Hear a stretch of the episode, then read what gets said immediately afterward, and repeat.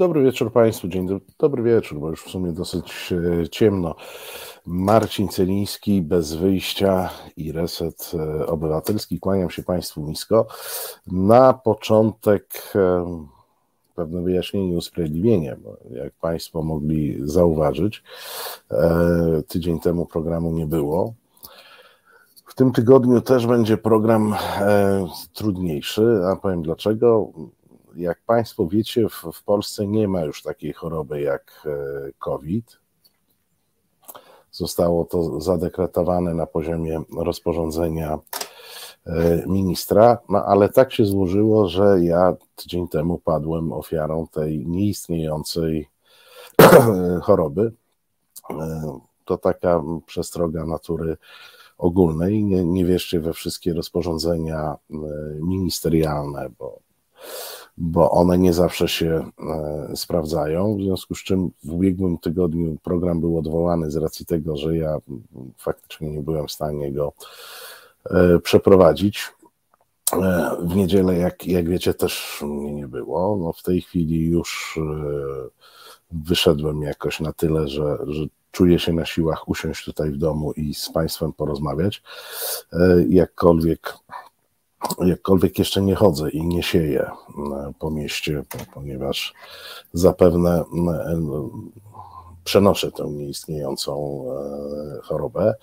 No ale jakby tego było mało, moi drodzy, no to dzisiaj mój gość, gość zapowiedziany przed tygodniem, profesor Sławomir Kalinowski napisał mi SMS-a dwie godziny temu, że po prostu nie da rady. Że nie da rady, że się bardzo źle czuje. Mam nadzieję, że to nie jest ta nieistniejąca choroba. E, niemniej zapowiedzianego gościa dzisiaj nie będzie.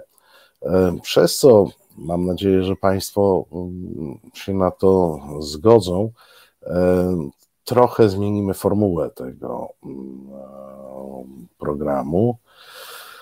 E, I trochę zmienimy temat, no bo rozmowa o, o tej drożyźnie inflacji i o poziomie życia Sławka Kalinowskiego byłaby mm, uboga. E, panie Darku, pan tu proponuje, żebym się udał na Żoliborz, tam jest uzdrowiciel. Niech pan mnie nie denerwuje, bo ja panu zaraz uzdrowiciela tutaj E, pokaże. Jak, pamiętajcie Państwo, to jest jak Beetlejuice, e, jak trzy razy się wypowie e, imię tego uzdrowiciela, to on się pojawia. Mm, uważajmy, co, co mówimy. Moi drodzy, jesteśmy w jakiejś naprawdę niespotykanej e, kampanii e, wyborczej. W kampanii, w której jest oczywiście dużo wątków polexitowych, dużo wątków szczególnie antyniemieckich, bo to w zasadzie my jesteśmy na wojnie e, z Niemcami od dawna, a teraz ona się tylko nasiliła. Jest od jakiegoś, to się powoli zbliżało, byśmy zauważali to sporo wątków antyukraińskich, które się nasiliły mniej więcej od e, dwóch tygodni i o tym wszystkim z Państwem dzisiaj e, będę e, rozmawiał, ponieważ odbieram całą tę kampanię, to co się wokół nas dzieje, jako no, wyraźne przesunięcie, wyraźne przesunięcie, takie jednoznaczne przesunięcie e, na wschód. Coś przed, to, czym, przed czym przestrzegaliśmy w tym programie, z Radkiem wrócą potem ja e, także kontynuowałem to. My jesteśmy od lat w nieustającej drodze, czy żeby powiedzieć na ścieżce i kursie na wschód. Ta kampania wyborcza, przyznacie, że E, no niebywale e, obrzydliwa, bo chyba innego słowa e, nie da się użyć. Niebywale agresywna. Jest prowadzona przez władze wedle najlepszych wzorców ze wschodu. My naprawdę tą kampanią wychodzimy z europejskiej strefy cywilizacyjnej naprawdę wychodzimy, wychodzimy z jakiejś takiej kultury, demokracji deliberatywnej, ona nigdy u nas nie była jakaś e, szokująco e, dobra. Ten, ten poziom kultury nigdy nie był jakiś taki przesadnie e, wysoki, no ale to, co mamy już w tej chwili, z tymi jakimiś napaściami posłów na konferencje prasowe, z, z tym, co się dzieje od paru dni z filmem Zielona Granica, no to muszę Wam powiedzieć, widzę wszystkie kampanie od 89 roku, a nawet te wcześniejsze PRL-owskie kampanie, one były takie przaśne, trochę inne i nie miały przeciwnika za bardzo, więc też, też pamiętam, no ale mówię już o tych, kiedy e, mieliśmy jakikolwiek, e, jakikolwiek wybór, czyli od 89 roku nie było takiej kampanii. E, nigdy władza nie e, użyła całego aparatu państwa e, do kampanii wyborczej, całego aparatu finansowego. No może próbowali komuniści w 1989 roku, ale wtedy, umówmy się, możliwości ich były dużo E, dużo e, mniejsze, bo, bo i to państwo było biedniejsze, i te przedsiębiorstwa ledwo zipały, więc one coś tam dawały na tą kampanię, jako się robiły, ale to nie była ta skala, jaką mamy e, w tej chwili. Pani Justyna pisze, mój siostrzeniec nie poszedł do szkoły, bo miał covid -a. nauczycielka powiedziała, że covid nie ma i to ma nieusprawiedliwioną nieobecność.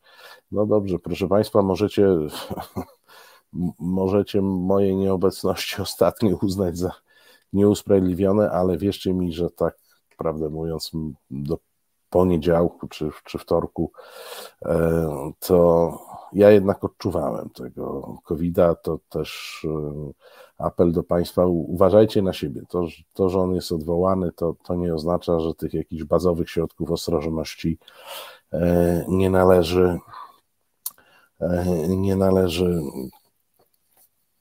w jakiś sposób, e, e, w jakiś sposób stosować, mimo że już nie są nakazane, a wręcz są odwołane. E, ja Państwu na początek, tak żeby wprowadzić w klimat, pokażę tylko okładeczki naszych ulubionych pism. Tak, to jest do rzeczy. Tam są chyba w środku trzy czy cztery teksty na temat Agnieszki Holland. To jest, proszę Państwa, przypadeczek sieci też trzy czy cztery e, teksty mm, wewnątrz. E, no, tylko wyłamuję się z, z tej prasy. Ja to wziąłem, nie, nie zawsze biorę, ale że bardzo tu jest najwyższy czas. Poznajecie gościa. E, mówi, że u progu wolności jesteśmy, bo konfa już jest coraz bliżej sukcesu. No ale moi drodzy, ponieważ tutaj padło już i pan Darek prosił o tego uzdrowiciela, e, e, uzdrowiciela z Żoliborza, no to zobaczmy go przez chwilę. Na początek dla rozluźnienia w takiej łagodniejszej odsłonie. Halo? Halo, dzień dobry. Taksóweczka stoi z zakupami. Proszę przeprosić pana kanclerza. Ale taksóweczka stoi, no to co mamy zrobić? To Polacy w referendum zdecydują w tej sprawie. Ale pani musi pokryć koszty. Nie ma już Tuska i te zwyczaje się skończyły. Zapłaci pani. No i proszę Państwa, to był taki element, który zdynamizował kampanię wyborczą. E, to jest e, jedna z pewnie tysiąca e, przeróbek słynnego spotu pana prezesa Kaczyńskiego, wybrana losowo zupełnie do tego programu. Na pewno widzieliście Państwo pozostałych 999 przeróbek także. To miał być taki spot, w którym pan prezes odbiera telefon z ambasady niemieckiej, e, no i mówi, że nie będzie się słuchał kanclerza, bo czasy Tuska się skończyły. Ja na marginesie tylko powiem, że nie wiem, za co pan prezes tego kanclerza przepraszał i dlaczego do pana prezesa dzwoni ambasada niemiecka w Warszawie, kiedy, jak wszyscy wiemy, do Donalda Tuska dzwoniła Angela Merkel bezpośrednio. Więc tu jakaś, jakaś, moi drodzy, nierównowaga jest. To znaczy, tego Tuska to tam jakoś poważali w tym Berlinie, bo sama kanclerz do niego dzwoniła, a do dzwonienia do prezesa wyznaczyli jakiegoś urzędnika i to wydaje się, że nie najwyższej rangi z ambasady e, niemieckiej tutaj w Warszawie. E, no, jaki geniusz w sztabie PiSu to e, wymyślił, to nie wiem. To nie wiem. Nie wiem też, jaki geniusz E, wymyślił coś, co jest ewidentnie uderzeniem nie tylko w nasze członkostwo w Unii Europejskiej, co nam zagraża,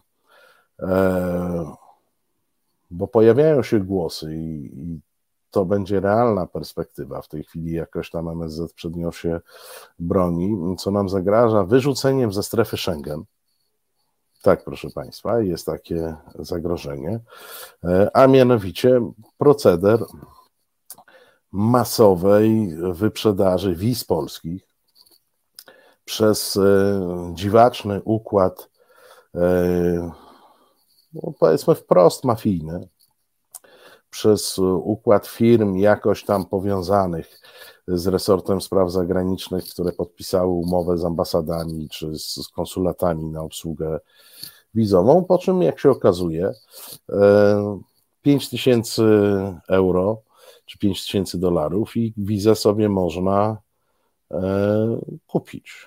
E, I zastanawiam się, jaki geniusz na Nowogrodzkiej wymyślił, żeby z pytania uchodźców zrobić temat pytania, temat referendalny.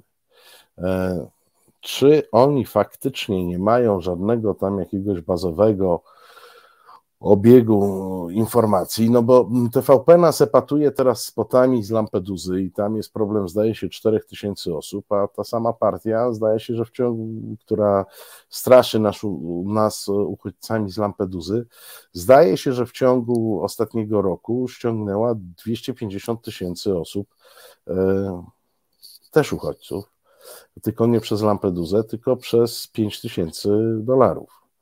E, którzy, które, mm, e, które ci musieli zapłacić. E, no i nie ściągnęła do Polski to w większości, tylko ściągnęła do wspólnej strefy Schengen ci ludzie w różnych miejscach są. Ludzie zupełnie niesprawdzeni, ludzie zupełnie, no w zasadzie każdy mógł sobie tą wizę kupić. Zresztą no może popatrzmy przez moment.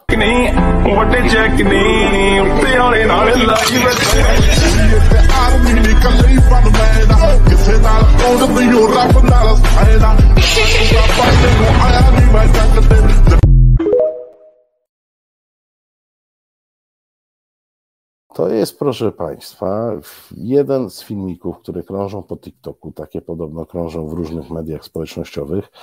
E, filmików, e, które zawierają e, reklamy, zachętę tych pośredników, którzy te wizy sprzedają, które, którzy no, za określoną cenę gwarantują, będziesz miał wizę, pojedziesz sobie do Polski, a z Polski to już sobie pojedziesz e, dokąd e, chcesz. E, afera wizowa, e, zdaje się, że to jest coś, co, co bardzo oddziaływuje na e, wyborców PiS, najbardziej z tych wszystkich afer. To znaczy, ci wyborcy PiS jakoś tak przechodzili do porządku dziennego nad tym pospolitym złodziejstwem. E, tutaj też przeszliby do porządku dziennego nad pospolitą korupcją, bo ten e, układ jest e, czysto korupcyjny.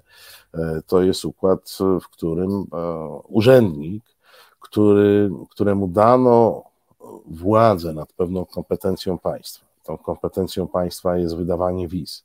Ta kompetencja państwa ma moc europejską, bo wiza polska pozwala, pozwala na E, wjazd e, do Unii Europejskiej no i ułatwia w ogóle uzyskanie wiz innych krajów, E, ten urzędnik e, po prostu wszedł w układ korupcyjny i za pieniądze sprzedaje to dobro jakieś, to prawo jakieś, które jest do nabycia, e, czerpiąc z tego osobiste korzyści. No, jak na razie pierwszym winnym ma być pan wiceminister Wawrzyk. Ja akurat przychylam się do opinii do tych, tych, którzy mówią, że jest to raczej kozioł ofiarny, bo mm, e, każdy, kto jakoś tam znał pana ministra Wawrzyka, czy zetknął się z nim, ja się z nim zetknąłem lata temu, kiedy był jeszcze komentatorem telewizyjnym e, przed 2015 e, rokiem głęboko, no, ma takie poczucie, że pan Wawrzyk nie ma natury i charakteru ojca chrzestnego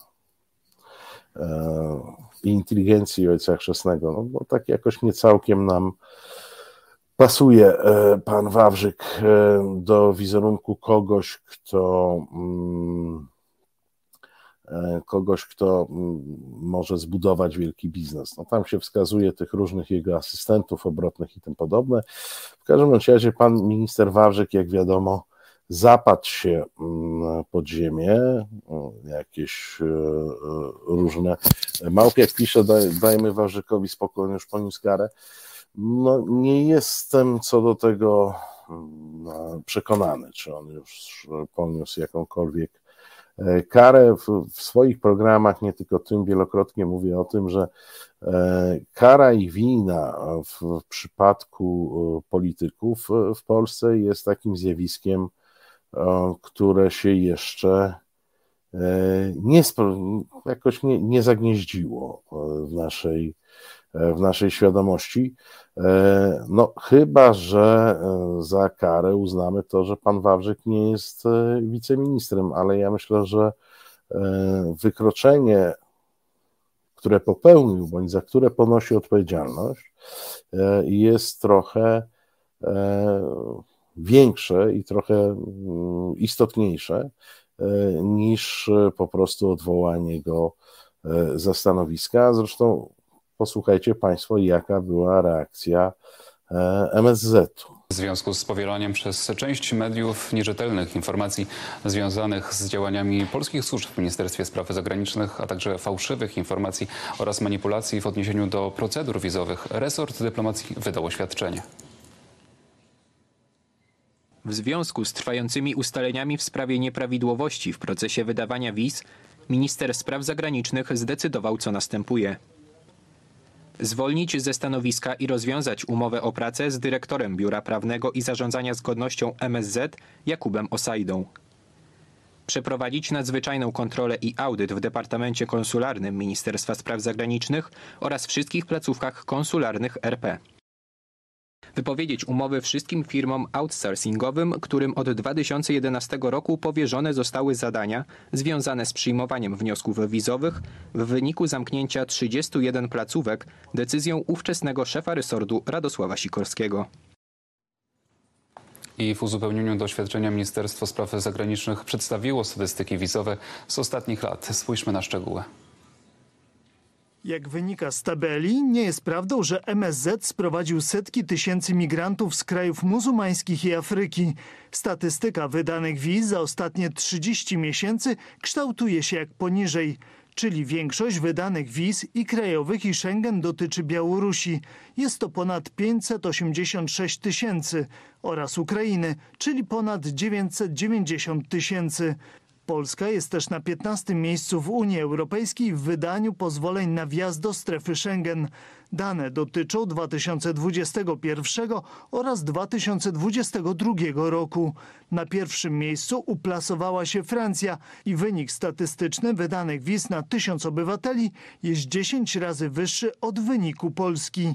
Poziom wydanych decyzji o odmowie wydania wiz w skrajnych przypadkach wynosić może nawet 90% wszystkich złożonych wniosków dla danego celu. Dla przykładu, wśród złożonych wniosków w 2022 roku na wydanie wiz do pracy odmowę uzyskało 90% Irakijczyków i Nigeryjczyków. Poziom wydawania odmów również znacząco się zmienił w ostatnich latach, czyli 2020-2022 w porównaniu do lat 2012-2014. No i proszę Państwa, tutaj z, z premedytacją pokazałem e, całe tłumaczenie, całą narrację rządową, no bo to jest trochę śmiesznie, trochę e, strasznie, jak Państwo, jak państwo wiecie, bo raz, to nie jest kwestia tego, że Polska wydawała wizy. Kwestia tego, że jak wydawała że to był proceder korupcyjny, że tych ludzi nie sprawdzano. E, wiemy już, że pan Wawrzyk i jego asystenci naciskali na to, żeby nie sprawdzać karalności e, ludzi, którzy a to jest podstawowa procedura zaświadczenia o niekaralności. Więc oni naciskali na to, żeby nie sprawdzać karalności ludzi, którzy występowali e, o wizy, mm, więc wizy jak najbardziej każdy kraj wydaje i wielu, wiele krajów wydaje. Natomiast pytań, tu nikt nie ma pretensji do Polski o to, że Polska wydaje wizy ale 350 tysięcy wiz zostało wydanych e, tym krajom, które kiedyś nazywaliśmy mianem krajów trzeciego świata. Najczęściej to są e, kraje afrykańskie i e, arabskie, bez żadnego sprawdzenia, bez żadnych procedur. No, a teraz no, tam jeszcze zapamiętali w to wszystko ministra Sikorskiego. Tak, zgadza się minister Sikorski likwidował konsulaty, był to taki duży program oszczędnościowy związany e, z kryzysem, i wtedy pojawiły się firmy zewnętrzne, które miały technicznie obsługiwać e, proces mm, e, wizowy. I to robiły, natomiast nie było wtedy mowy o tym, że całość tego procesu przeprowadza ta firma. One miały technicznie przyjmować wnioski, przesyłać do najbliższego konsulatu czy ambasady, e, gdzie następowała dalsza procedura. Tu mówimy o procederze szerszym. Z jednej strony firmy, e, które weszły w układ i sprzedawały te wizy gdzieś na straganie pod jakąś, nawet bezczelnie czasami pod e, ambasadą, i naciski z drugiej strony, do, aby tych wnioskodawców za bardzo nie sprawdzać, żeby nie psuć e, biznesu, no bo jednak mieć 5 tysięcy i nie mieć 5 tysięcy to razem 10, a pomnóżcie to przez 250 tysięcy z ubiegłego e, roku. No to sami e, zobaczycie, że temat jest poważny i e, nie jest e, tematem e, do żartów. Żadnych. Faktem jest, że interes wizowy opanowała mafia, klasyczna mafia, bo mafia to jest organizacja przestępcza, która jest bezpośrednio powiązana z polityką. Tu nie ma najmniejszych wątpliwości, że z taką organizacją właśnie mamy. Jest czynnik polityczny symbolizowanej przez ministra Wawrzyka, ja myślę, że to jest e, dużo szerzej, dużo głębiej. E, jest e, czynnik jest czynnik przestępczy, czyli te gangi, które handlują naszymi wizami. Pewnie jest czynnik przestępczy wśród tych, którzy te wizy pozyskali, bo w żadnych innych warunkach niż korupcyjne takiej wizy by nie dostali, gdy byli pod, poddani normalnej procedurze. Mamy więc do czynienia z mafijnym interesem, mamy więc do czynienia z pytaniami Komisji Europejskiej, z pytaniami poszczególnych rządów do rządu polskiego, kogo wyście tak w zasadzie wpuścili do strefy e, Schengen. No i proszę Państwa, na koniec mamy zagrożenie mm, wykluczenia czy zawieszenia naszego udziału w strefie Schengen i mamy w tej chwili zatrzymany cały proces wydawania wiz, czyli studenci, doktoranci i tym podobni, e, ludzie z, z poza Europy, którzy powinni wrócić w tej chwili na polskie uniwersytety, nie wrócą, ponieważ nie dostaną wizy, bo wizy w tej chwili już nikt nie dostanie z racji tego, że MSZ we własnym bałaganie e, nie może się połapać. I zobaczcie w kontekście tej afery wizowej i tych pięciu tysięcy za wizę, jak inaczej zaczyna wyglądać płot na granicy białoruskiej. Przestaje on wyglądać na ochronę polskich granic, natomiast zaczyna się, zaczyna wyglądać na ochronę przed konkurencją, bo do Polski można było się dostać łatwo e, i gładko, płacąc 5 tysięcy za wizę, e, bądź e, w sposób trudny przez Białoruś i ten sposób trudny został utrudniony jeszcze. No, tam powinny wisieć na dworcu w Mińsku ogłoszenia. No, idź do Wawrzyka po wizę, nie będziesz musiał przeskakiwać e, przez e, przez płot. Moi drodzy, i do tego tematu konkurencji wobec interesów e, PiSu na, w handlu wizami wrócimy tuż po krótkiej muzycznej przerwie. Słuchasz Resetu Obywatelskiego. No i proszę Państwa, wracamy do e, tematu, e, do tematu wiz, no bo on się wiąże z, z tematem filmu, który wszedł w tej chwili wchodzi na ekrany. Ja nie będę go recenzował, bo go nie widziałem. Jestem przywiązany na razie do domu, ale mam nadzieję, że to za chwilę już będę mógł e, spokojnie pójść do jakiegoś kina i ten film obejrzeć. Mówię o Zielonej Granicy Agnieszki Holland. Ale nie widząc filmu, mogę być jestem e, absolutnie przerażony standardem e, komentowania tego filmu przez dzisiejszą władzę. To jest, proszę Państwa, coś e, po 1989 roku niespotykanego. To jest coś jak najdalszego od standardów demokratycznych, od standardów wolnościowych, od standardów cywilizacji łacińskiej bo to, co obserwujemy e, od tygodnia mniej więcej, to jest nieustanny, zorganizowany e, hejt na Agnieszkę Holland, e, hejt na aktorów, którzy w filmie zagrali i hejt na film w ogóle. Czy oni, kapitan Stratford pisze, przykrywają aferę skutecznie? Czy to jest przykrycie afery? Ja myślę, że to nie do końca się zgodzę, bo im to e, niezbyt wychodzi, robią to dosyć nerwowo, e, wzbudzają e, zainteresowanie tematem granicy polsko-białoruskiej, którego to zainteresowanie już dawno nie było. Czy w jakikolwiek sposób możemy tutaj mówić o tym, że e, przykryją aferę wizową? No nie, nie, moi drodzy, nie. Oczywiście wiele rzeczy jeszcze w tej kampanii się e, wydarzy, wiele afer. E, wiele afer jeszcze wyjdzie.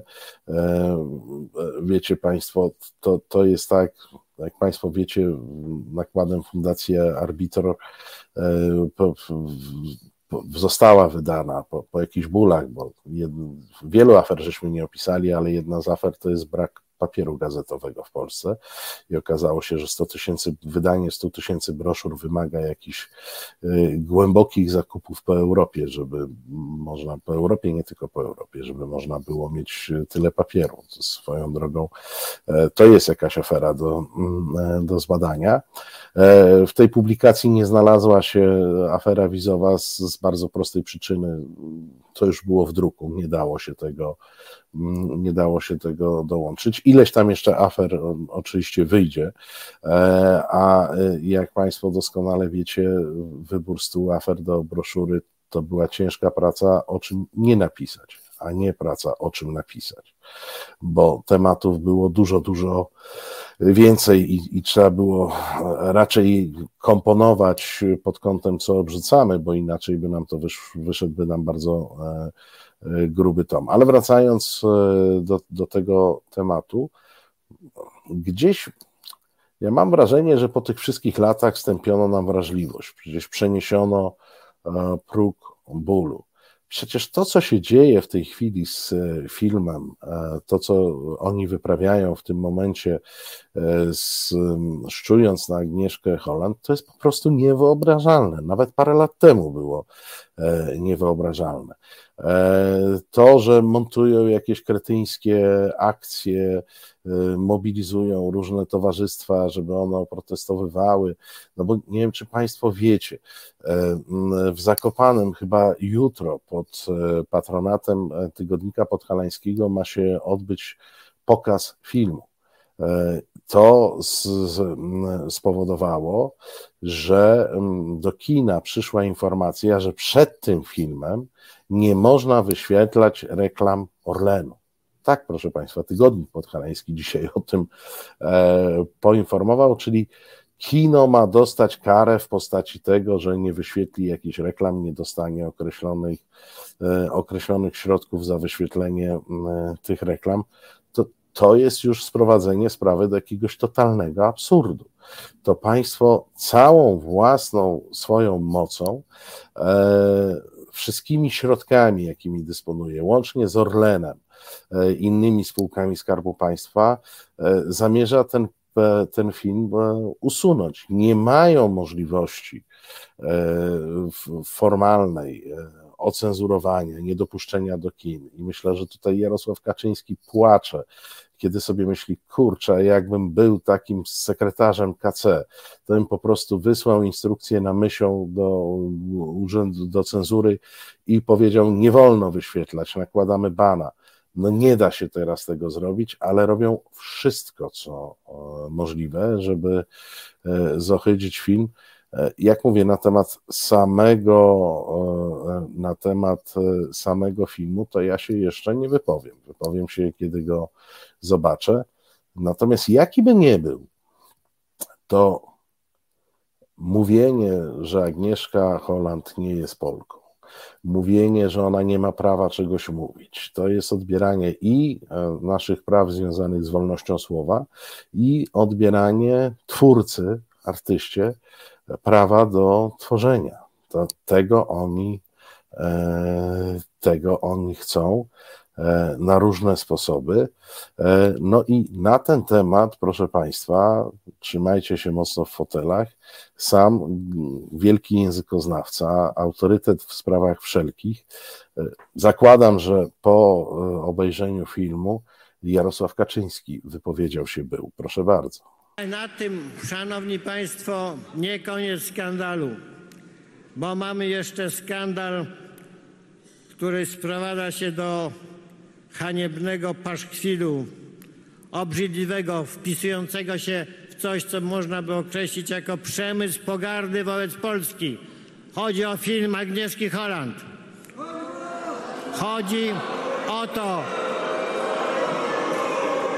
by obrazić polski mundur, by obrazić Polaków by zrobić z obrony, uczciwej obrony polskiej granicy, europejskiej granicy, unijnej granicy zbrodnię. W czyim to jest interesie? Z czego to wynika? Ja nie ukrywam, że jeśli mogę powiedzieć, że z łatwością jestem w stanie rozszyfrować motywację Tuska, to motywacji pani Holland tak do końca nie rozumiem, chociaż stykałem się kiedyś z tym środowiskiem, nie z nią osobiście, ale z tym środowiskiem wywodzącym się z dawnych stalinowskich komunistów, bo takim człowiekiem był jej ojciec. I coś mi tam do głowy przychodzi. Ale nie będę w tej chwili tego omawiał, bo to nie ma sensu. Tu nie o panią Holland chodzi. Chodzi o haniebne przedsięwzięcie, wpisujące się w przedsięwzięcie szersze. Polacy nie mają bronić swoich granic ani na zachodzie, ani na wschodzie. Czyli co z nami ma być? Jest takie pytanie. Co nam w gruncie rzeczy proponują? Co nam proponuje Platforma Obywatelska, czy tam Koalicja Obywatelska? Cała ta koalicja antypolska, która dzisiaj skrada się do władzy. Proponuje nam, proszę Państwa, wielkie nieszczęście i my musimy to niebezpieczeństwo odeprzeć. No i proszę Państwa, tu było, jak rozumiem, i, i, do Państwa, i do mnie wezwanie do boju, żeby niebezpieczeństwo jakieś e, odeprzeć. E, wiecie Państwo, to Państwo piszą, że to trudno skomentować. Ja się z Państwem zgadzam. To naprawdę nie sposób e, skomentować. No, wychodzi, Państwo piszą gorzej. Ja na, powiem to samo innymi słowy. Wychodzi sobie starszy pan e, i mówi, że nie rozumie pani Holland.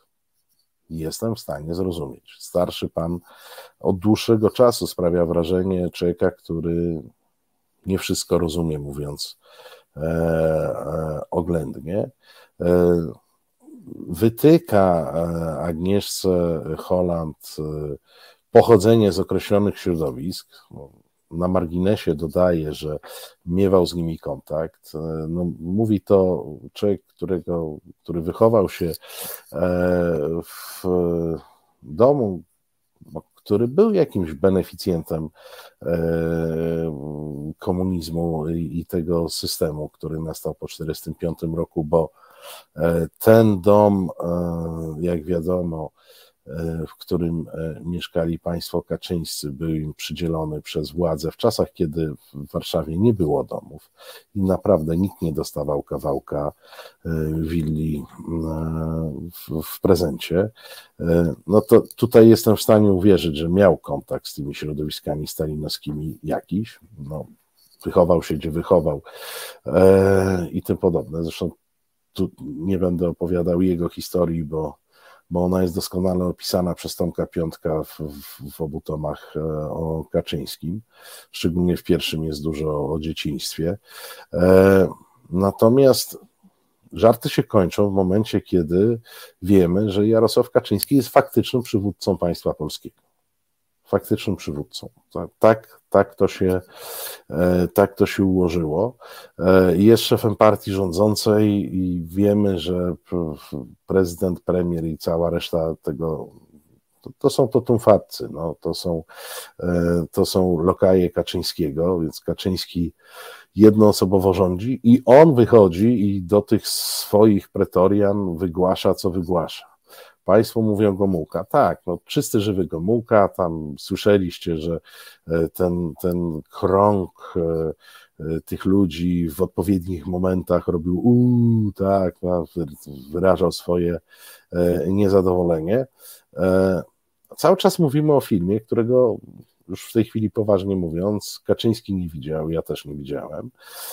Pewnie większość z Państwa nie widziała, bo on dopiero wchodzi na, miał dopiero parę pokazów jeszcze nie wszedł do kin e, na dobre, no ale wychodzi ten wielki językoznawca i poza tymi ludźmi, co byli na tej sali, to jak Państwo widzieliście, to ten filmik jest z TVP Info, no to on jeszcze do, tych, do tej jednej trzeciej Polaków e, aktywnych wyborczo, którzy są wyznawcami Kaczyńskiego i PiSu, e, on im właśnie wskazuje klasycznie orwellowsko, kogo mają nienawidzieć no mają nienawidzieć poza Tuskiem, który tam, nie wiem, czy Donald Tusk, to pytanie jest, może ktoś z Państwa wie, czy tam, nie może Donald Tusk scenariusz pisał Agnieszce Holland, jaki miał udział Donald Tusk w kręceniu tego e, filmu. Obawiam się, że, że Donald Tusk był ostatnio na tyle zajęty, że nie miał jakiegoś szczególnego udziału w e, powstaniu tego e, filmu, no ale Donald Tusk to jest ten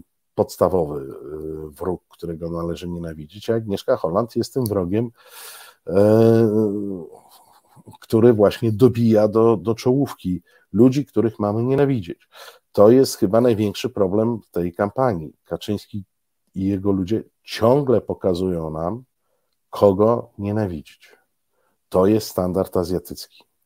To jest e, standard rosyjski, to jest standard powszechny w e, państwach totalitarnych, tak? W państwach totalitarnych tłumaczy się ciemnym ludziom, kogo mają nienawidzić, bo sami nie wpadną na to, że, że mają kogoś e, nienawidzić. Bo jak inaczej tłumaczyć całą serię e, wpisów dzisiaj, e, a to i, i, pani Zaleska była minister edukacji, zaśmiejmy się tutaj jakoś gorzko, i pan prezydent Duda forsują hasło tylko świnie siedzą w kinie e, w kontekście e, e, filmu Agnieszki Holland. No, wiecie Państwo, dla, nie wiem, tam pewnie młodzież tego nie rusza, bo to znają ewentualnie no nie wiedzą o co chodzi, tylko świnie siedzą w kinie, to było hasło podczas okupacji niemieckiej,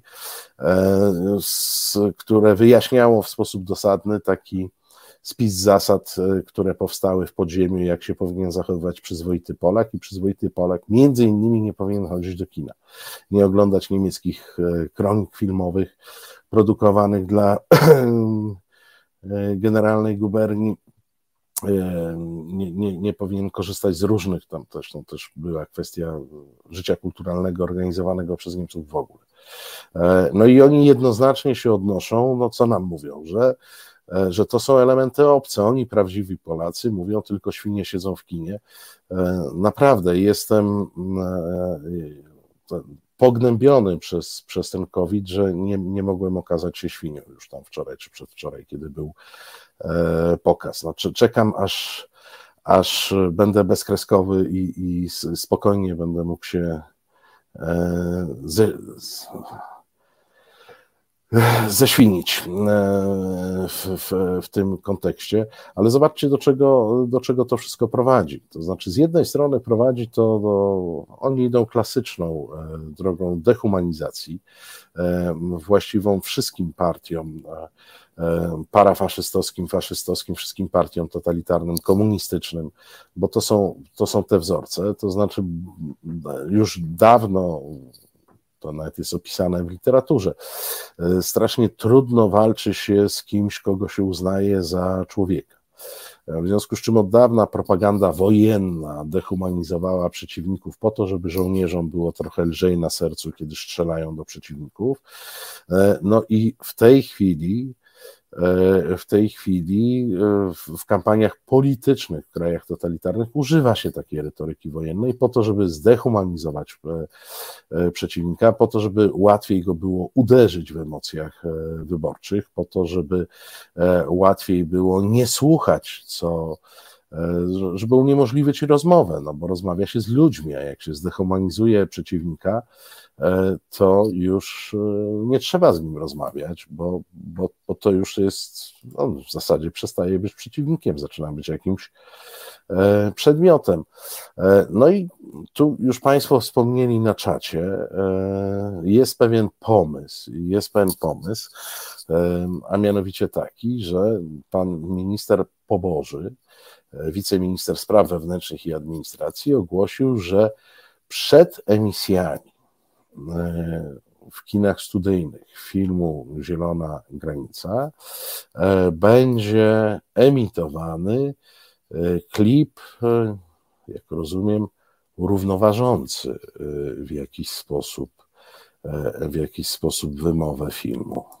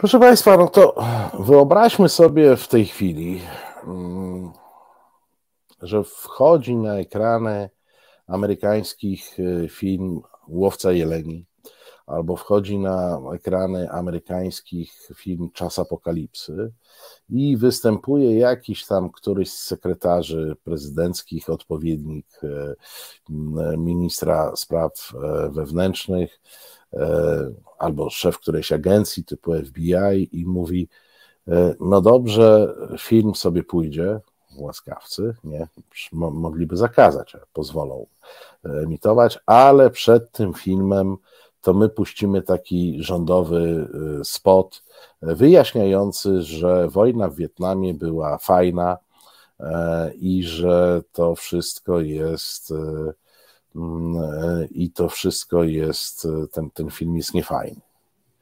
E, wiecie co, to się po prostu w głowie nie mieści. Znaczy, człowiekowi tak staremu jak ja, to się o tyle trochę mieści, że ja nie wiem, czy to nadal istnieje, ale jako licealista uczęszczałem na projekcję, byłem członkiem, to się nazywało Dyskusyjny Klub Filmowy. I w tych e, DKF-ach puszczano filmy, które często te filmy nie były w bieżącej e, dystrybucji, e, dystrybucji kinowej, między innymi ze względu na ograniczenia cenzuralne, to znaczy z różnych przyczyn, bo to różne filmy były w DKF-ach pisane, ale i e, pokazywane, czasami jakieś tam filmy starsze, które już były poza kinami, ale była też taka pula filmów. Ja w ten sposób obejrzałem jako człowiek już w miarę dojrzały, e, bo, bo jakiś nastolatek czeka z żelaza. Natomiast po to, żeby ten człowiek z żelaza był um, puszczony, Pamiętacie Państwo, Człowiek Żelaza, dzieło Wajdy na temat rewolucji Solidarności tej z 80 roku. E, ja oglądałem ten film, to był rok pewnie 86-7 e, i takie projekcje tych filmów e, były poprzedzane wystąpieniem odpowiedniego prelegenta. I najpierw pan prelegent przez 15 czy 20 minut mówił, że ten Wajda to tam bzdury e, plecie, a w ogóle Solidarność doprowadziła polską gospodarkę do zapaści, polskie państwo do rozkładu, no i potem mogliśmy obejrzeć tego człowieka e, z żelaza. To mi utkwiło w pamięci. Jakoś już pod sam koniec komuny podobnie oglądałem, ale to już był pewnie 88, może nawet 89 rok, oglądałem przesłuchanie Bugajskiego w takim DKF-ie i też był prelegent, który powiedział, że Bugajski mocno przerysował opresję stalinizmu, że oczywiście były E, błędy, e, były błędy i wypaczenia, ale one nie, nie były aż takie, jak Bugajski e, pokazał. Więc jako człowiek wiekowy, to ja pamiętam pewne takie praktyki, ale jakoś tak byłem przekonany, że one razem z 89 rokiem zanikły. Okazuje się, że że nieprawda. No państwo mają tutaj słuszne i konstruktywne propozycje, że w zasadzie rząd y, mógłby y, rząd mógłby zrecenzować wszystkie filmy kinowe i puścić takie spoty objaśniające nam, nie? No bo powiedzmy taka Barbie, która teraz jest bardzo popularna, być może y, widzowie mogą opatrznie ją zrozumieć i gdyby tam Pan Poboży stworzył taki mm, spocik, który przed Barbie by leciał, jak rozumieć ten film, wszystkim nam żyłoby się lepiej i łatwiej. No nie sądzicie Państwo? To wydaje mi się, że, e, że mm, całkiem fajny, całkiem fajny e, pomysł. Ktoś z Państwa tutaj, przepraszam, przeleciał mi ten komentarz, przypomniał, że przecież Ida e, poszła z objaśnieniami. O właśnie, pani Maria pisze.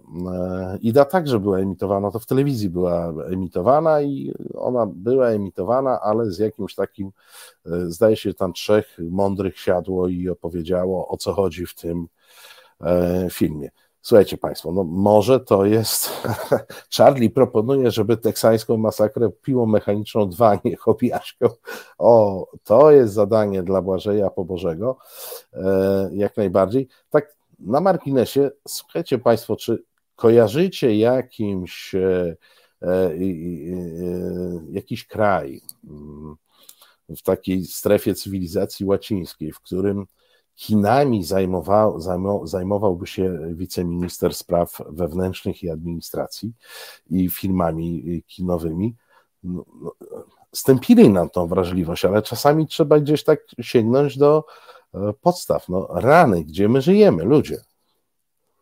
E, pan wiceminister spraw wewnętrznych i administracji, po pierwsze nam, e, bo to jest materiał oficjalny, tam to akurat ściągnąłem z profilu MSWiA, w swoim wystąpieniu recenzuje ten film 15 razy chyba powtórzył słowo paszkwil e, i, jakieś, e, ta, ta, ta, jakieś tam różne rzeczy, tam zdaje się, że padło obrzydliwe i tym podobne w tym wszystkim. I jeszcze na koniec mówi, że on nam puści przed tym filmem w kinach studyjnych, widocznie ma jakieś przełożenie. Ja przyznam uczciwie, jak kompletnie nie wiem, e, jak funkcjonują studia, te kina studyjne. No pewnie one są e, w jakiś sposób finansowane e, ze środków publicznych, a dlaczego przez MSWiA akurat nie mam pojęcia.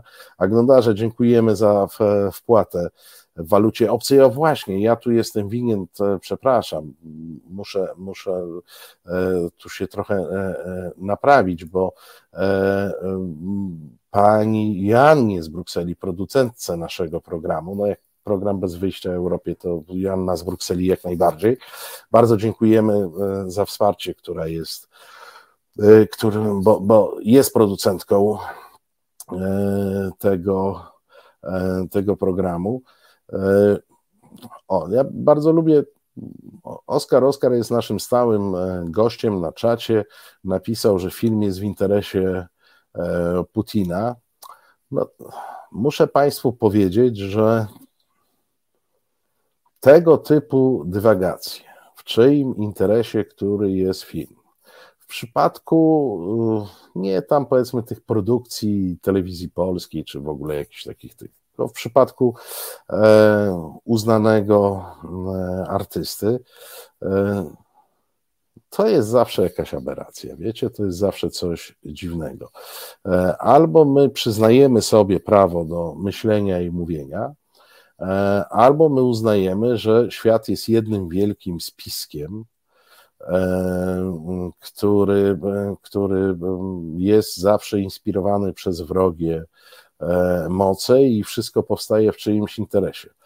I Oskarze drogi, a nie przyszło ci do głowy, że e, ktoś może mieć w kwestii e, postępowania Straży Granicznej i służb polskich na tej granicy swoje zdanie oparte na wartościach chrześcijańskich, oparte na wartościach kultury śródziemnomorskiej, tymi wartościami jest między innymi empatia, współczucie e, tymi wartościami jest powstrzymywanie się e, przed e, agresją, akceptacja inności, nieczynienie zła, nieczynienie zła.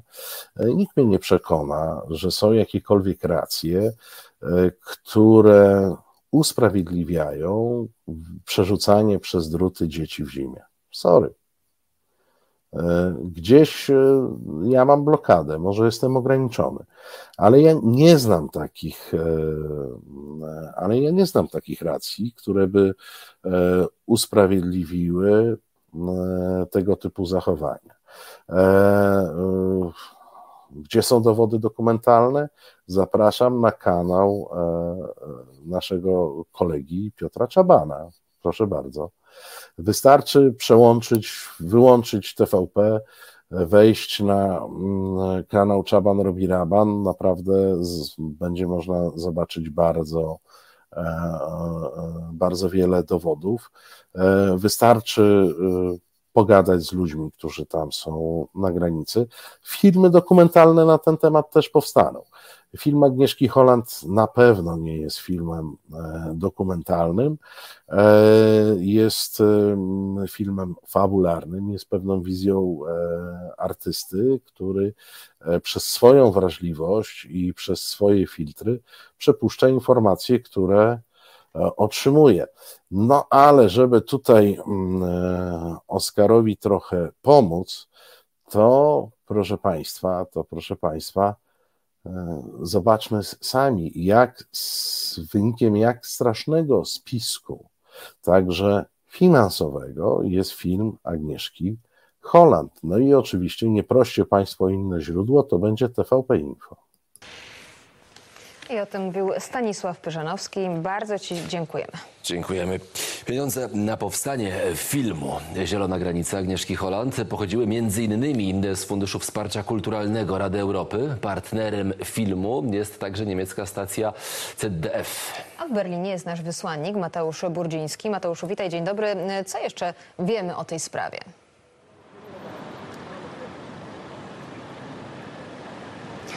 Rzeczywiście film Agnieszki Holland dostał wysokie dofinansowanie z Eurimages, czyli Funduszu Filmowego Rady Europy. To było 380 tysięcy euro, jedno z najwyższych w tamtym rozdaniu, a żeby uzyskać punkty właśnie w ocenie wniosków o dofinansowanie, można było chociażby udowodnić współpracę międzynarodową.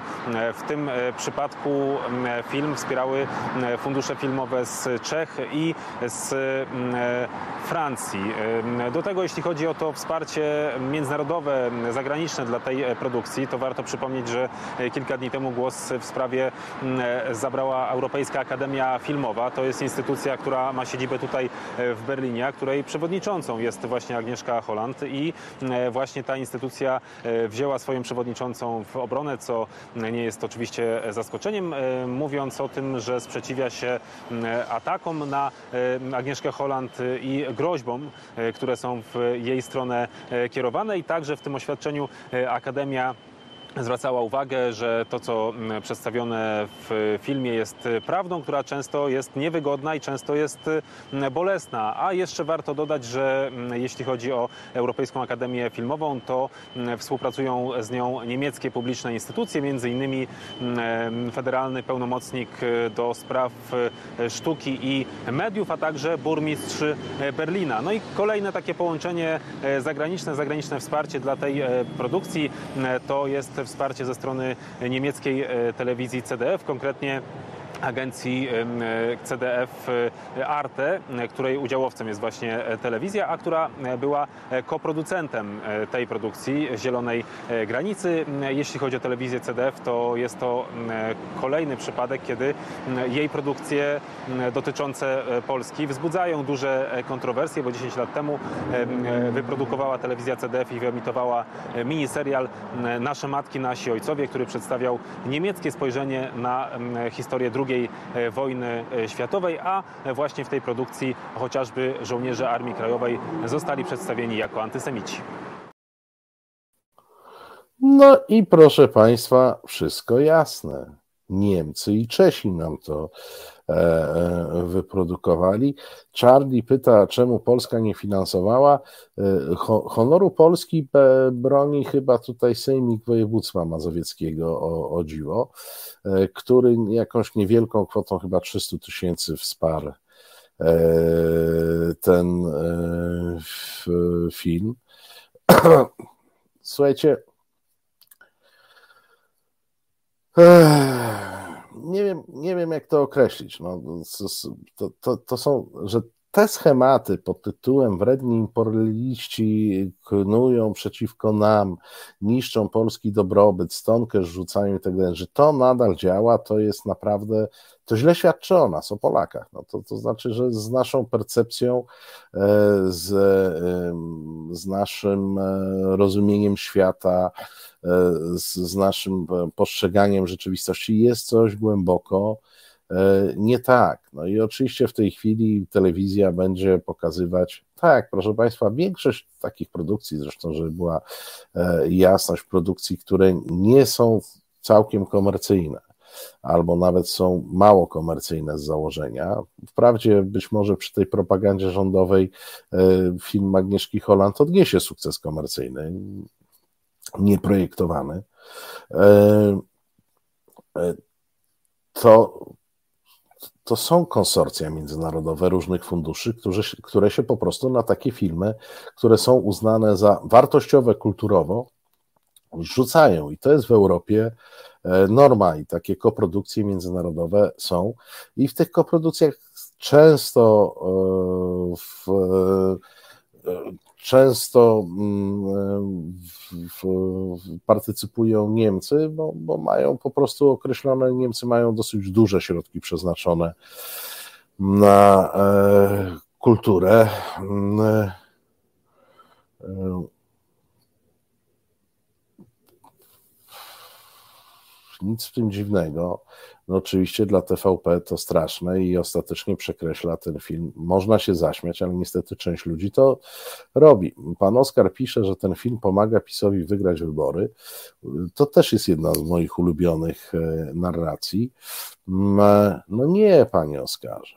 Jeszcze nigdy nie zdarzyło się tak, żeby mówienie prawdy, przedstawianie prawdy pomagało złym ludziom a PiS to źli ludzie, to są niemoralni ludzie, to są ludzie, którzy e, bez e, wahania sprzedają wizy e, uchodźcom, nie sprawdzając ich, a z drugiej strony bronią się przed konkurencją uchodźców, tych, którzy u nich nie zrobili zakupów. Nie, nie, to, to są handlarze ludźmi, którzy bronią się przed konkurencją Łukaszenki, który jest innym handlarzem ludzi. To znaczy pomiędzy PiSem a Łukaszenką ja tutaj różnicy nie widzę. Pewnie jest jakaś różnica cenowa, nie wiem. E, fachowcy twierdzą, że u Łukaszenki jest trochę taniej, no ale z drugiej strony jest e, trudniej. E, no, jak się kupi wizę w PiSie, to się wjeżdża do Polski i wkracza po czerwonym dywanie i nikt nikogo nie przerzuca przez druty.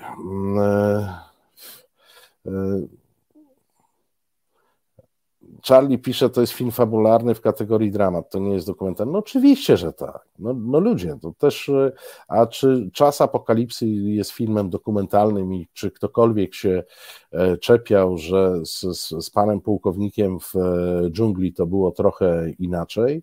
Nie, no był pułkownik w dżungli i na, na bazie tej opowieści stworzono pewną e, fabułę mm, w tym wszystkim. Ja oczywiście, jak Państwo wiecie, nie jestem jakimś hura optymistą i nie, nie pokuszę się o twierdzenie, że e, ten film spowoduje, spowoduje e, no, jakieś przywrócenie Polakom e, informacji o tym, dostępu do informacji, w, co jest dobrem, a co jest złem bo podejrzewam, że w tej historii to pewnie więcej jest tutaj kwestii e, dobra i zła niż kwestii murem czy nie murem za polskim mundurem. E, murem czy nie murem za polskim mundurem to jest po prostu spłaszczenie każdego problemu. Problem jest i jest problem uciekających przed wojną, jest problem potrzebujących pomocy i jest problem stosowania własnego prawa przez kraj, który chciał się uważać za cywilizowany, jakim jest Polska. O problemie migracyjnym w tym programie wielokrotnie rozmawialiśmy e, z, z, choćby z profesorem Duszczykiem, specjalistą w tym zakresie, który mówił, jak się rozwiązuje takie problemy. I nie jest rozwiązaniem otwarcie granicy, nie jest rozwiązaniem też płot.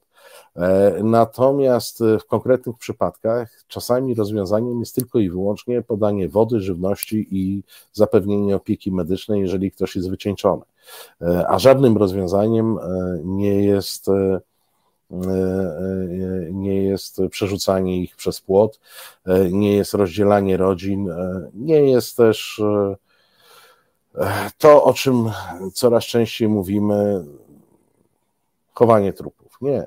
Nie, to jest obrzydliwe. To, to jest dzieło złych ludzi i to jest złe. E, to, że my w skali masowej jakoś nie potrafimy tego dobra od zła odróżnić, to jest nasz wielki problem i to będzie nasz wielki wyrzut sumienia. Mało jest powodów do żartów na temat granicy polsko-białoruskiej i tego, co tam się dzieje od momentu tego mikrokryzysu uchodźczego, bo umówmy się, że to jest mikrokryzys uchodźczy. Wielki kryzys uchodźczy to są, to są ci, którzy kupili sobie po 5 tysięcy e, wizy. To jest wielki kryzys uchodźczy. E, no, historia jest prosta, pisze Al Capone. Emigrant, którego wypchnął z pięć razy z powrotem na Białoruś, idzie na stragan przed polskim konsulatem w Mińsku i kupuje sobie śliczną, autentyczną polską wizę. Oczywiście pod warunkiem, że go na to stać. Tak, ten sam, e, ten sam emigrant za 5 tysięcy wjedzie tutaj witany e, z honorami. E, czyli cały czas ten płot to nie jest ochrona Polski, tylko to jest ochrona przedsiębiorstwa mafijnego, sprzedajemy wizy przed konkurencją. Tylko i wyłącznie tak mogę odbierać E, całą zadymę w kontekście tego, co już wiemy o aferze wizowej, a jeszcze wszystkiego, a jeszcze wszystkiego e, nie wiemy. Pan Witold pisze, zapominamy o pewnych podstawach. Funkcjonariusz, żołnierz działa na rozkaz. Jakie polecenia otrzymywali, kto je wydawał, doprowadzając do sytuacji wyszczególnionych w filmie. Trochę ma pan rację, ale nie całkiem bo każdy funkcjonariusz, żołnierz składa przysięgę na wierność Rzeczpospolitej. Nie na wierność swojemu bezpośredniemu przełożonemu, nie na wierność szefowi formacji, e, w której jest, czy to jest wojsko, czy to jest Straż Graniczna, czy jakaś, czy inny WOD. E, I żaden z nich nie składał przysięgi na wierność Jarosławowi Kaczyńskiemu i jego e, kolegom. Każdy funkcjonariusz ma prawo odmowy wykonania rozkazu. Więc poza pytaniami, kto im wydaje te rozkazy, to zasadnym jest pytanie, kogo my tak naprawdę do tych służb rekrutujemy. Co to za ludzie, którzy są w stanie e, wykonać takie rozkazy? Naprawdę, ja wiem, co się mówi o argumentach ad Hitlerum, E, ale moi drodzy, oni też tylko wykonywali rozkazy. Wszyscy to e, mówili. No nie, halo. To, że wykonujemy rozkazy, w żaden sposób nas e, nie usprawiedliwia. Żadnego z tych funkcjonariuszy. Zło pozostaje złem. Czy czynione na rozkaz, czy z własnej woli. Jeżeli jest czynione na rozkaz, a przecież ci funkcjonariusze wiedzą, w jakich okolicznościach mogą odmówić e, wykonania e, rozkazu, to znaczy, że oni są źli albo mają do tego zła e, predyspozycje. Tak jak pisze Al Capone, nikt nie ma obowiązku bycia oprawcą. Zawsze z takiej pracy można zrezygnować. Można odmówić wykonania rozkazu, można zmienić zajęcie i to nie jest temat zastępczy. To jest bardzo podstawowy temat, dotyczący naszej przynależności cywilizacyjnej. Czy my przynależymy do świata cywilizacji śródziemnomorskiej, do czego aspirowaliśmy przez lata, czy my już jesteśmy w tej cywilizacji średnioazjatyckiej, e, która najbardziej e, odpowiada Jarosławowi Kaczyńskiemu i jego kompanom. Proszę Państwa, teraz krótka muzyczna przerwa. Nie uciekajcie Państwo, za moment wracamy. Kawa w kawiarni kosztuje Cię więcej niż miesięczne wsparcie resetu. Prosty wybór, prawda? Wejdź na resetobywatelski.pl i kliknij w Obywateluj z nami. Producentką naszego e, programu jest pani Janna z Brukseli. Bardzo dziękujemy. Dziękujemy także Agnodarowi, który tutaj się dorzucił do tego programu. E, a program realizuje Marcin, który pewnie będzie lepiej wiedział, o jaką nutkę, e, co wczoraj na listę wpadła, chodzi, bo ja nie wiem. I przy najbliższej okazji, jeżeli jest taka możliwość, tę nutkę puści bo Państwa życzenia są dla nas e, absolutnym e, rozkazem. Wiecie Państwo, jest jeszcze jeden temat, który, mm, który w tej kampanii się pojawił e, i który jest de facto tematem polexitowym, to jest e, temat ukraiński. E, jak wiadomo, doszło, e, doszło do takiej korespondencyjnej wymiany uprzejmości pomiędzy prezydentem Zełańskim a prezydentem Dudą na forum ONZ-u. Jak wiadomo, polskie władze naprężyły mięśnie i zapowiedziały, że będą nawet bez decyzji Komisji Europejskiej wprowadzać embarga na, na ukraińskie płody rolne. Powiem Państwu tak, że na dzisiaj ta propaganda nam tłumaczy, że jesteśmy straszliwie e, zagrożeni. Jak ktoś za 50 lat e, będzie czytał, e, będzie to w podręczniku historii, to przeczyta tak. Rosjanie napadli na Ukrainę. Polska zadeklarowała, że będzie Ukrainie pomagać, po czym wprowadziła embargo handlowe i rozpoczęła faktyczną wojnę handlową z Ukrainą. Z perspektywy historycznej, moi drodzy, będziemy sojusznikami Putina w takiej, w, w takiej sytuacji. I pod tym względem y, Zełęński, choć nie wymienił Polski oczywiście w tej wypowiedzi, tutaj uderz w stół, a nożycza się odezwą, zasada y, zadziałała i mm, panowie z PiSu odczytali to. E, natomiast z perspektywy 50 lat tak to będzie wyglądało. Tu są jakby tu są dwie rzeczy. Jedna rzecz to faktyczny problem z ukraińskimi płodami rolnymi. Umówmy się, problem, który wspólnie z wielkimi producentami żywności z Ukrainy, z oligarchami ukraińskimi, sprokurowali oligarchowie polscy, e, czyli pisowscy. Bo czy ktoś z Państwa widział tę listę firm, które sprowadzały e, ukraińskie zboże, choć nie tylko o zboże chodzi, e, o różne płody, ale zboże jest tu takim symbolem. Tak sobie zażartuję, no, no, czy ktoś z Państwa widział tę listę? Pan minister Telus e, miał tę listę opublikować e, ASAP, jak to się mówi, jakoś mu nie wychodzi do tej pory. Z doniesień różnych wiemy, że jak zawsze, jak gdzieś jest szaro, mętno, jak gdzieś można zarobić jakąś lewą kasę, to oczywiście wysyp pisowców jest e, w tym wielki. Mm, e, pamiętacie, były apele co do tego, szczególnie PSL-u, który siłą e, rzeczy no jest tak nadal partią do jakiegoś stopnia klasową e, związaną z rolnictwem. PSL bardzo szybko apelował o to, żeby wprowadzić pewne mm, zabezpieczenia, żeby rejestrować ten przepływ zboża, żeby wprowadzić choćby kaucje zwrotne przy wywozie tego zboża z Polski. Nawet w którymś momencie chyba minister Kamiński wystąpił, jak już afera wybuchła w tym roku, e, to powiedział, że oni tam będą tagować, znakować te wagony i pilnować ich nadal nic nie wiemy.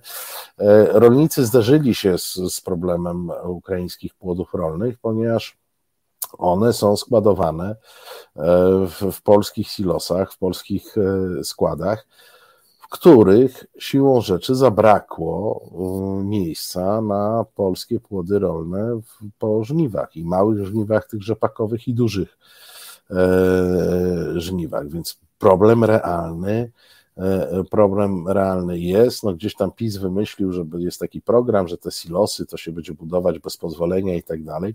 No ale kochani, jak z każdą budową, e, przypomina się ta, ta bajka o trzech świnkach, tak? Co tam jedna robiła szałasik, druga domek drewniany, a trzecia murowany.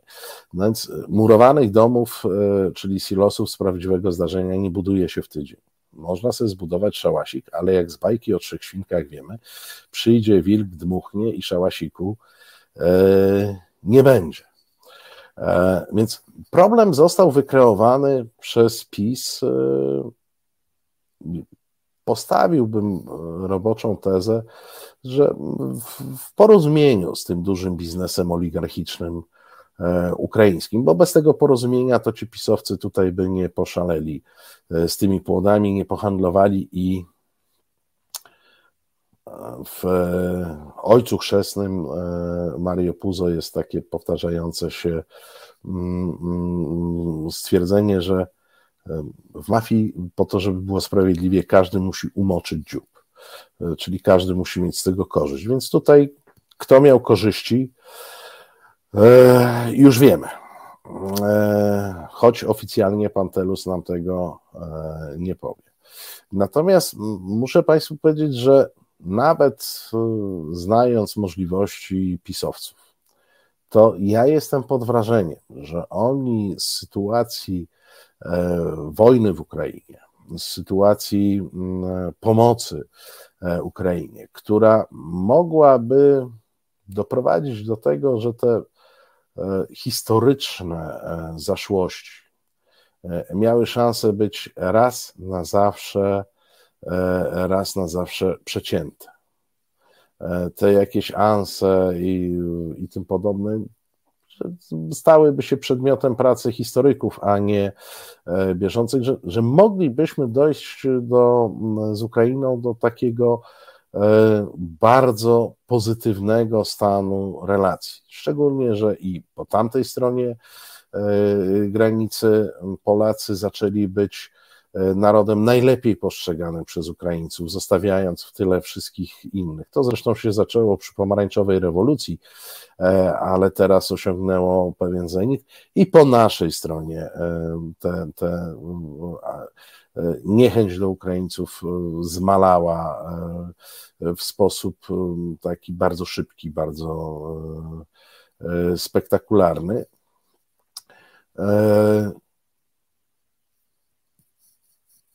Tutaj PiS potrafił to, przepraszam, spieprzyć.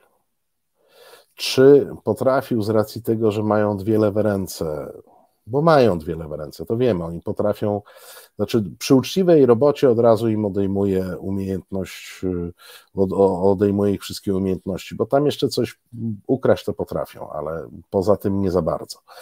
E, czy to jest coś głębszego?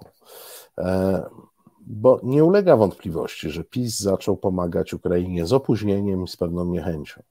E, I zaczął pomagać Ukrainie e, pod naciskiem własnych wyborców, którzy po prostu rzucili się do pomocy Ukrainie.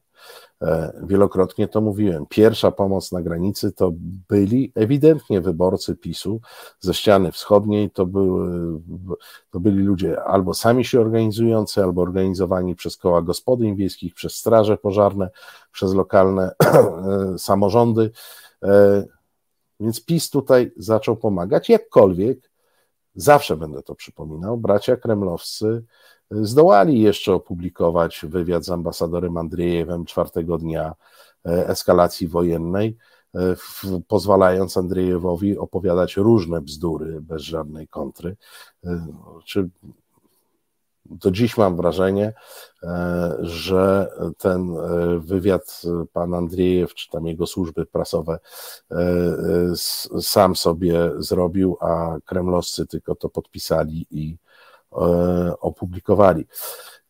I PiS pod presją społeczną własnych wyborców, bo pod naszą presją społeczną nic by nie zrobił, ale zobaczył, że ich wyborcy są e, w tej sytuacji po stronie Ukrainy przeciwko Rosji, złamał się, zaczął pomagać, no tam po drodze były różne przygody, tam gdzieś ten Kaczyński pojechał, e, nie wiadomo po co, przyjechał, powiedział, że tam polskie wojska wprowadzi na zachodnią Ukrainę, tak, to było takie ewidentnie na zamówienie e, Putina, Druga wersja jest z totalnej głupoty, ale ja za bardzo w totalną głupotę e, nie wierzę.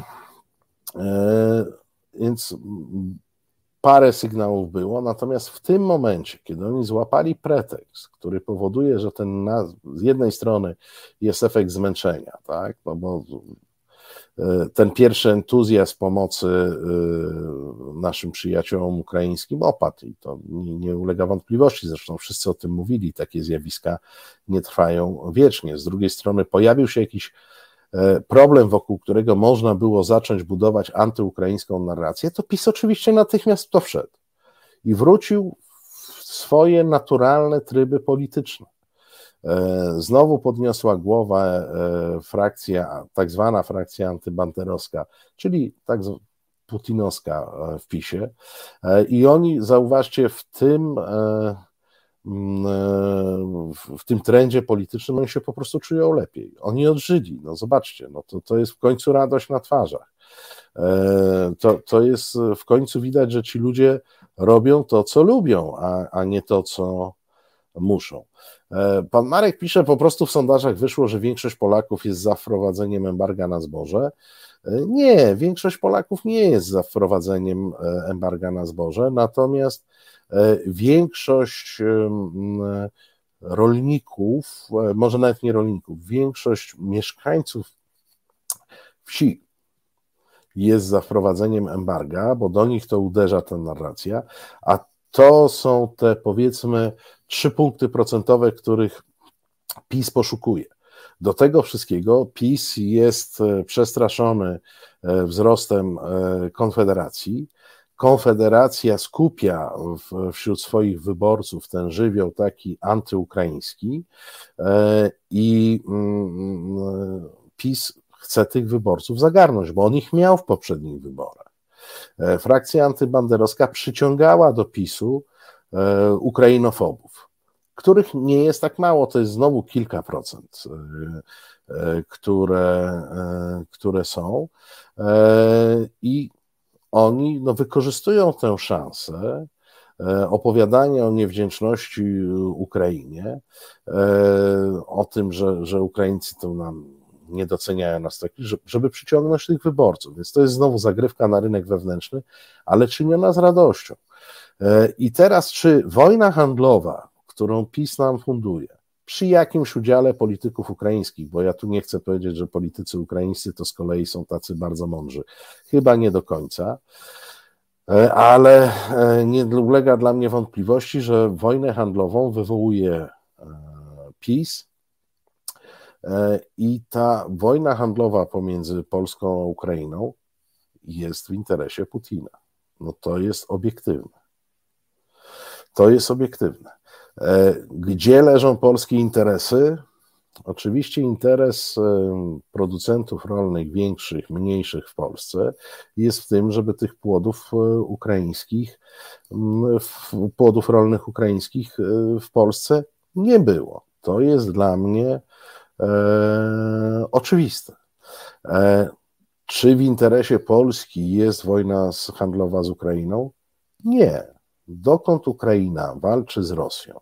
a naszym wrogiem na wschodzie jest Rosja, nie jest Ukraina.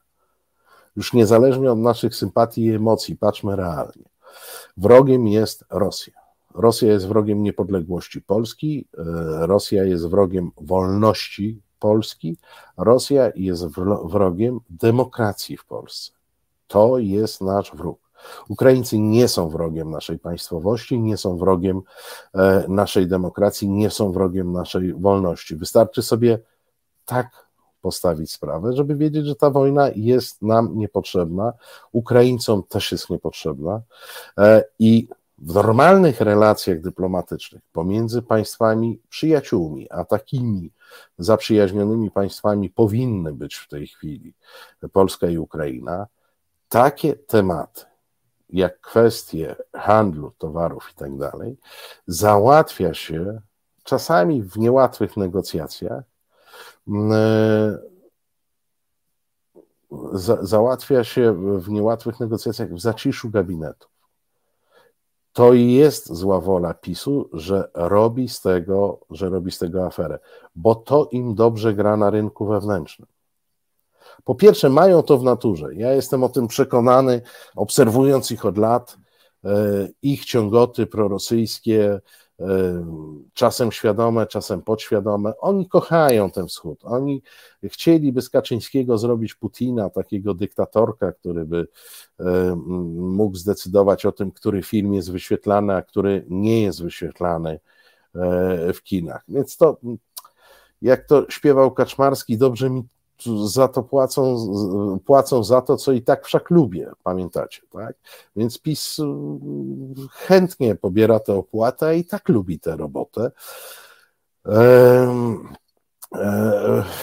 W tym, w tym wszystkim, więc Tutaj, e, e, tutaj mamy do czynienia ze zwrotem, który jest emocjonalnie przez nich łatwy, e, a jednocześnie daje im efekty wyborcze, mają nadzieję na osłabienie Konfederacji, przyciągnięcie jakiejś grupy wyborców z tamtej strony, sami podsycają te nastroje antyukraińskie w Polsce, które rosną. One jeszcze nie są duże, ale mm, mm, są.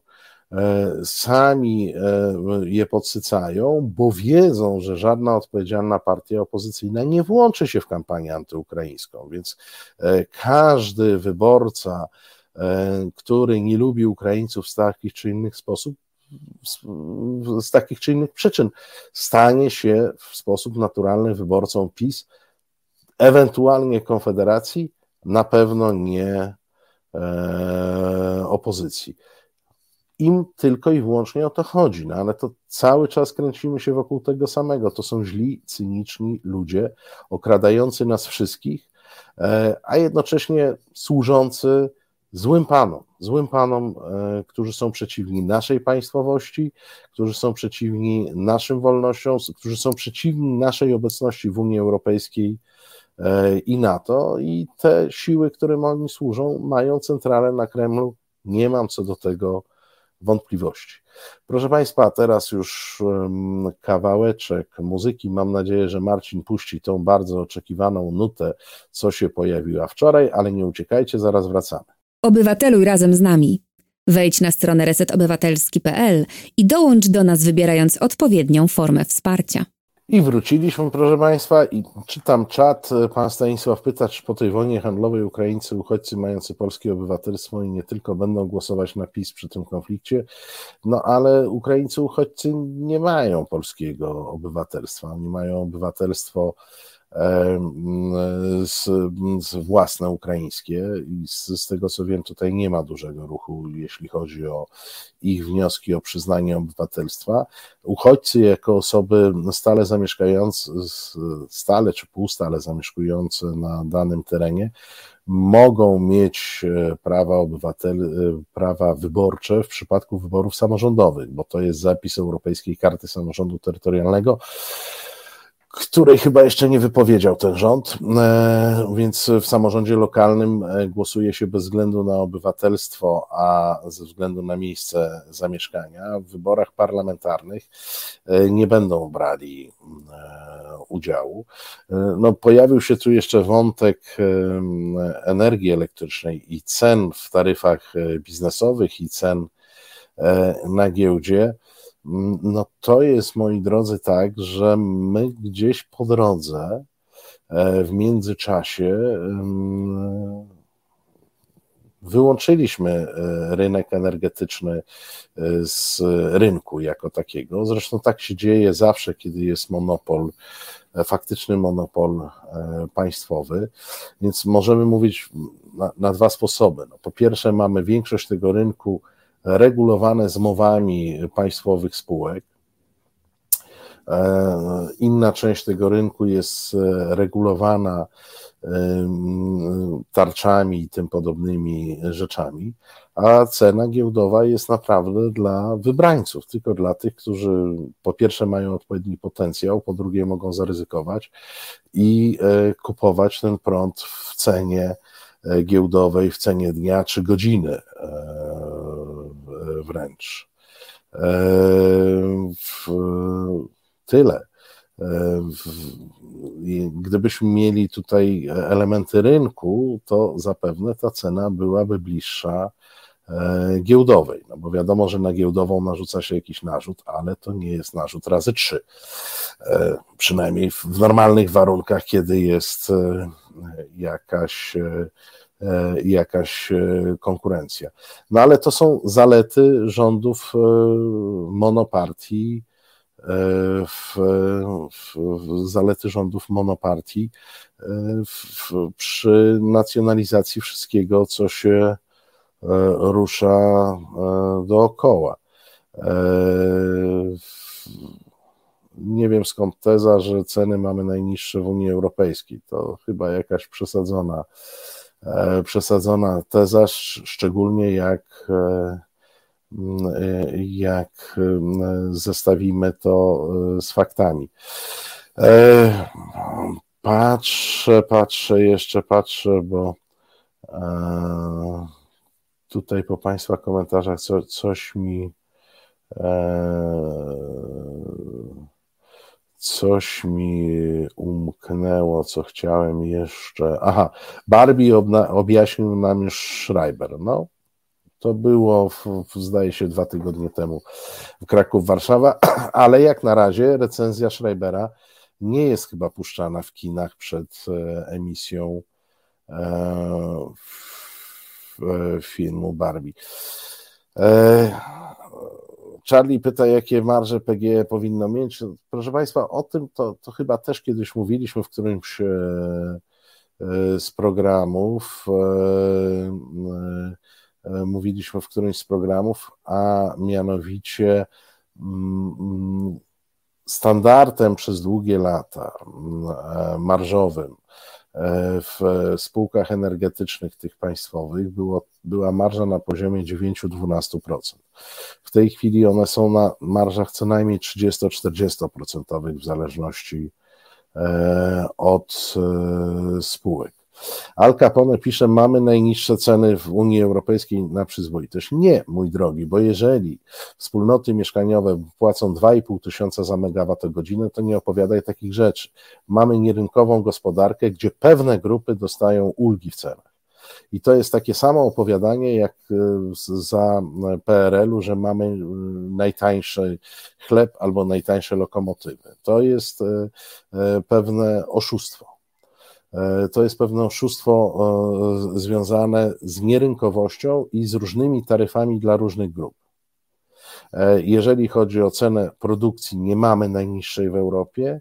Jeżeli chodzi o cenę sprzedaży, jeżeli przyjmiemy średnią sprzedawania różnym podmiotom, nie mamy najniższych cen w Europie. Oczywiście znajdziemy takie grupy odbiorców, które mogą mieć najtaniej w Europie, ale to jest kwestia i finansowania skrośnego, i e, e, e, aha, dobra, najniższy, dobra, Al Capone, no tak, zapędziłem się. Tłumaczę się COVID-em, bo mgłą covidową.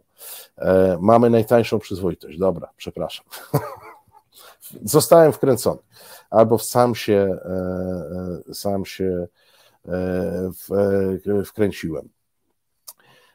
Moi drodzy, jeszcze jeden mały temacik z kampanii, który w ostatnich e, e, latach, e, w, w ostatnich dniach się pojawił. Mamy taki tutaj przygotowany krótki obrazeczek, może Państwo skojarzą sprawę.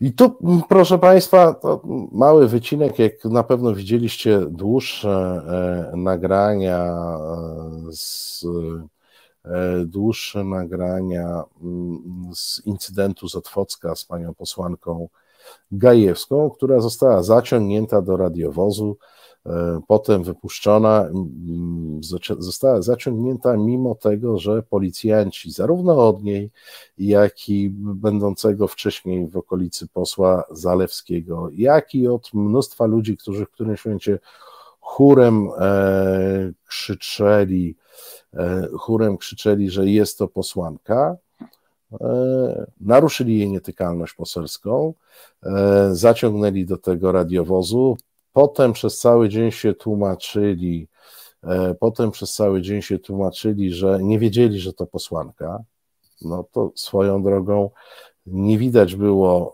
żeby mieli słuchawki na uszach, zatem chyba jakieś psychotropy, które wpłynęły na słuch panów policjantów. Ale o czym chcę powiedzieć? Bo Państwo na pewno pamiętają, przez lata był krzyk różnych antysystemowych, tak zwanych takich kukizów różnych i tak dalej, że należy znieść immunitet poselski. Ja sobie pozwalałem w wielu moich programach przypominać, czemu immunitet służy.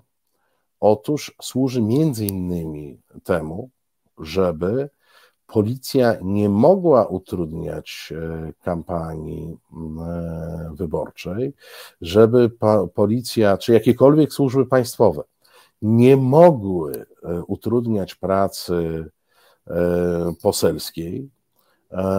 Ten immunitet był budowany i powstawał na doświadczeniach PRL-owskich, bo ta konstrukcja, którą mamy, ona powstała na początku lat 90., potem były trochę one były potem trochę modyfikowane, ale to jest mniej więcej ta konstrukcja. Wynikało to z tego, że w 1989 roku było realne zagrożenie, że władze PRL-owskie będą e, utrudniać i utrudniały kampanię wyborczą, wtedy jeszcze nie posłom. No potem była kwestia zapewnienia posłom elementarnego bezpieczeństwa. Jak Państwo widzicie, bez likwidacji immunitetu, Gdzieś tam na Nowogrodzkiej starszy pan doszedł do wniosku, że immunitetu nie należy, nie należy przestrzegać ustawy e, o obowiązkach e, i prawach posła senatora, jak również nie należy przestrzegać e, odpowiedniego artykułu Konstytucji, który zapewnia nietykalność posłowi, szczególnie w momencie, kiedy on działa, kiedy on działa w ramach swojego mandatu e, poselskiego. E, I tutaj, proszę Państwa, są dwa wątki w tej sprawie. Jeden to naruszenie e, immunitetu, czyli naruszenie konstytucyjnej zasady, której, jak Państwo słusznie zauważają, jakoś bardzo ładnie chroni posła Brauna, kiedy tam lata rozwalać wzmacniacze czy nagłośnienie na E, wykładach, e, czy tam jakieś choinki e, psuje, nie wiem, co on tam jeszcze wyprawiał, to tam się okazuje, że immunitet jest. W przypadku posłanki Gajewskiej tego immunitetu nie ma, ale ja chcę zwrócić uwagę na drugi wątek. Otóż, proszę Państwa, abstrahując od tego, czy ktoś jest posłem, czy nie, to Jaki był powód, jakie było uprawnienie e, policji do tego, żeby tę obywatelkę, nawet zakładając, że nie jest posłanką, ciągnąć do tego radiowozu? Umiecie mi Państwo wytłumaczyć? Oczywiście policja ma prawo wylegitymować. E, instrukcje policyjne wyraźnie mówią, że no, legitymowanie nie powinno być na środku placu, że się zaprasza gdzieś tam na bok kogoś i tak dalej, że to ma nie być krępujące. Ale przepraszam, celem legitymowania do suki znowu wróciliśmy do standardów rosyjskich. E, znowu e, wróciliśmy do e, standardów rosyjskich. Znowu wróciliśmy do jakichś standardów, od których dawno mieliśmy odejść. Nie ma policja prawa kogokolwiek ciągnąć do radiowozu, o ile nie jest to zatrzymanie w przypadku złapania właśnie na jakimś czynie zabronionym. Nie jest czyniem zabro, zabronionym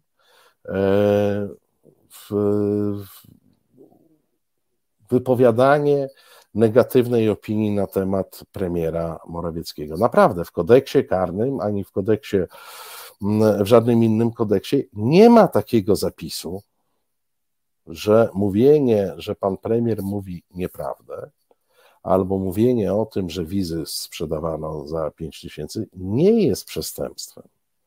E, więc nie było tam żadnego, e, e, żadnego podejrzenia przestępstwa. I nawet gdyby to nie była posłanka, to nie ma żadnych podstaw do tego, żeby obywatela czy obywatelkę ciągnąć do radiowozu. W jakim celu? Po co? Dodatkowym elementem jest immunitet, dodatkowym elementem jest to, że zatrzymać posła można tylko i wyłącznie w przypadku złapania na gorącym uczynku popełniania przestępstwa. Gdzie tu było przestępstwo? Jakie? I zobaczcie, jak bardzo myśmy grupowo e, stępili własną wrażliwość. Znowu opowiadanie przez e, wszystkich pisowców i policjantów, że e, oni nie wiedzieli, że to posłanka. Po czym publikują filmik, na którym posłanka gejewska mówi, że jest posłem. Tak? Oni publikują filmik z własnych tych kamer e, e, na mundurach i mówią, nie wiedzieliśmy, że to posłanka, a publikują filmik, w którym słychać, jak e, pani Gajewska mówi, jestem posłem Rzeczypospolitej, jestem posłem Rzeczypospolitej. A oni ją dalej ciągną do tego, do tego radiowozu. Załóżmy przez chwilę, że nie wiedzieli, że to posłanka. W momencie, kiedy powiedziała, jestem posłem Rzeczypospolitej, powinni się zatrzymać, poprosić o okazanie legitymacji, puść, uwolnić jej ręce, bo jak wiadomo, jak widzieliście, e, za ręce ją trzymali i, i, i tym podobne. Nie, zaciągnęli ją do tego, do tego radiowozu i potem się tylko głupio E, e, potem się tylko głupio e, tłumaczyli. No, słuchajcie, gdzie my jesteśmy? Nie jesteśmy w Europie, jesteśmy w standardach pozaeuropejskim. Może, może nam TVP pokazywać mnóstwo zdjęć z francuskich ulic, gdzie mm, są pacyfikowane demonstracje, E, ale zaręczam Wam, że każdy z tych francuskich policjantów e, działa na rozkaz, który ma podstawę prawną, a jeżeli działa, nie działa na rozkaz, który ma podstawę prawną, e, no to ma wielkie kłopoty i jest afera na całą Francję. W Polsce, przepraszam, przepraszam, ale nic się nie stało, zobaczcie, minął dzień. Nic się nie stało. E, nasz arbiter elegantiorum e, Waldek pisze, że idąc na zadymę, poseł powinien mieć legitymację na wierzchu. Ja myślę, że każdy z nas, idąc ulicą, powinien mieć wszystko na wierzchu, po to, żeby postronni obywatele i obserwatorzy mogli e, wszystko e, widzieć, łącznie z ilorazami inteligencji, także inteligencji emocjonalnej na różne sposoby. To wszystko trzeba, i rozmiarem butów, trzeba mieć, mm, trzeba mieć wszystko na wierzchu. Po pierwsze, Wyjście na ulicę w Otwocku, czy na plac w Otwocku nie jest wyjściem na zadymę. Ja nie wiem, co to jest zadyma. Chciałbym definicję prawną dostać z kodeksu karnego na przykład. Gdzie jest przestępstwo, że się wychodzi na ulicę i dlaczego e, wychodząc na ulicę należy trzymać dokumenty e, na wierzchu. No to są, to są jakieś żarty, moi drodzy. To, to jest właśnie wcielenie totalitaryzmu i powinno się nosić jeszcze opaskę e, z oznaczeniem, że jest się z opozycji. Tak jak kiedyś były opaski z różnymi orzeczeniami, albo nie wiem, jakiś, jak, jakiś, jakąś kolorową opaskę. Tak, koniecznie, e, koniecznie. Jak wiadomo, grupy niepolskie powinny chodzić z opaskami, na którym będzie oznaczona narodowość, na wszelki wypadek. E, pos, posłowie opozycji powinni mieć takie opaski opozycja, e, dzięki temu e, będą mogli być szybciej wychwytywani przez funkcjonariuszy totalitarnego reżimu. To jest, proszę Państwa, coś, o czym mówię. To jest coś, ta przemiana mentalna, która w nas nastąpiła. Powiedzcie, jak można w sytuacji naruszenia nietykalności czyjejkolwiek powiedzieć sama sobie winna, bo powinna nosić legitymację e, na wierzchu. Mnie się to, e, e, mnie się to w, w głowie za bardzo nie mieści, ale może ja po prostu za stary jestem, może ja nie dorosłem do tych czasów, kiedy Polska znowu ma się stać średnioazjatyckim systemem e, autorytarnym.